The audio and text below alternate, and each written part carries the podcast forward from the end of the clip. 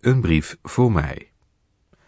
Als ze de brievenbus hoorde, rende niet alleen de hond richting de gang, maar ook de jongste dochter des huizes. De gangdeur bleef dan in de meeste gevallen ver openstaan en vader riep regelmatig, Hallo, ben jij in de kerk geboren? En we stoken hier niet voor de mussen.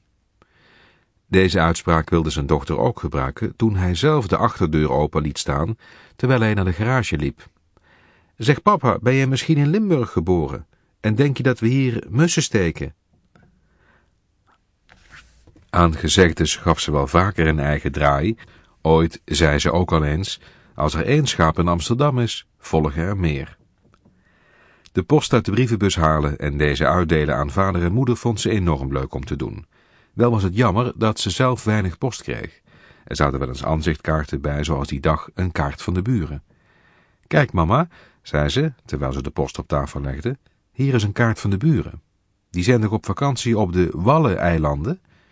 Ook een grappige verspreking, want die keer toen ze de krant naar de keuken bracht, terwijl ze naar de foto van onze premier wees, kijk, Jan-Peter Baukerbol ligt in het ziekenhuis. Op een dag was het echter zover. Er zat een brief van de plaatselijke bibliotheek bij met haar naam erop. Trots liep ze mee naar haar vader en ging zeer gewichtig aan tafel zitten om de brief te openen. Terwijl ze de brief las, kreeg ze tranen in haar ogen.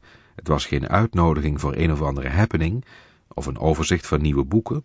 Nee, het bleek een boete te zijn van 1,60 euro voor een boek wat niet tijdig was ingeleverd. Zijn dochter reageerde op dezelfde manier als zijn vrouw als er een bekeuring binnenkwam voor een snelheidsovertreding. Ik heb het boek nooit geleend, dat was iemand anders.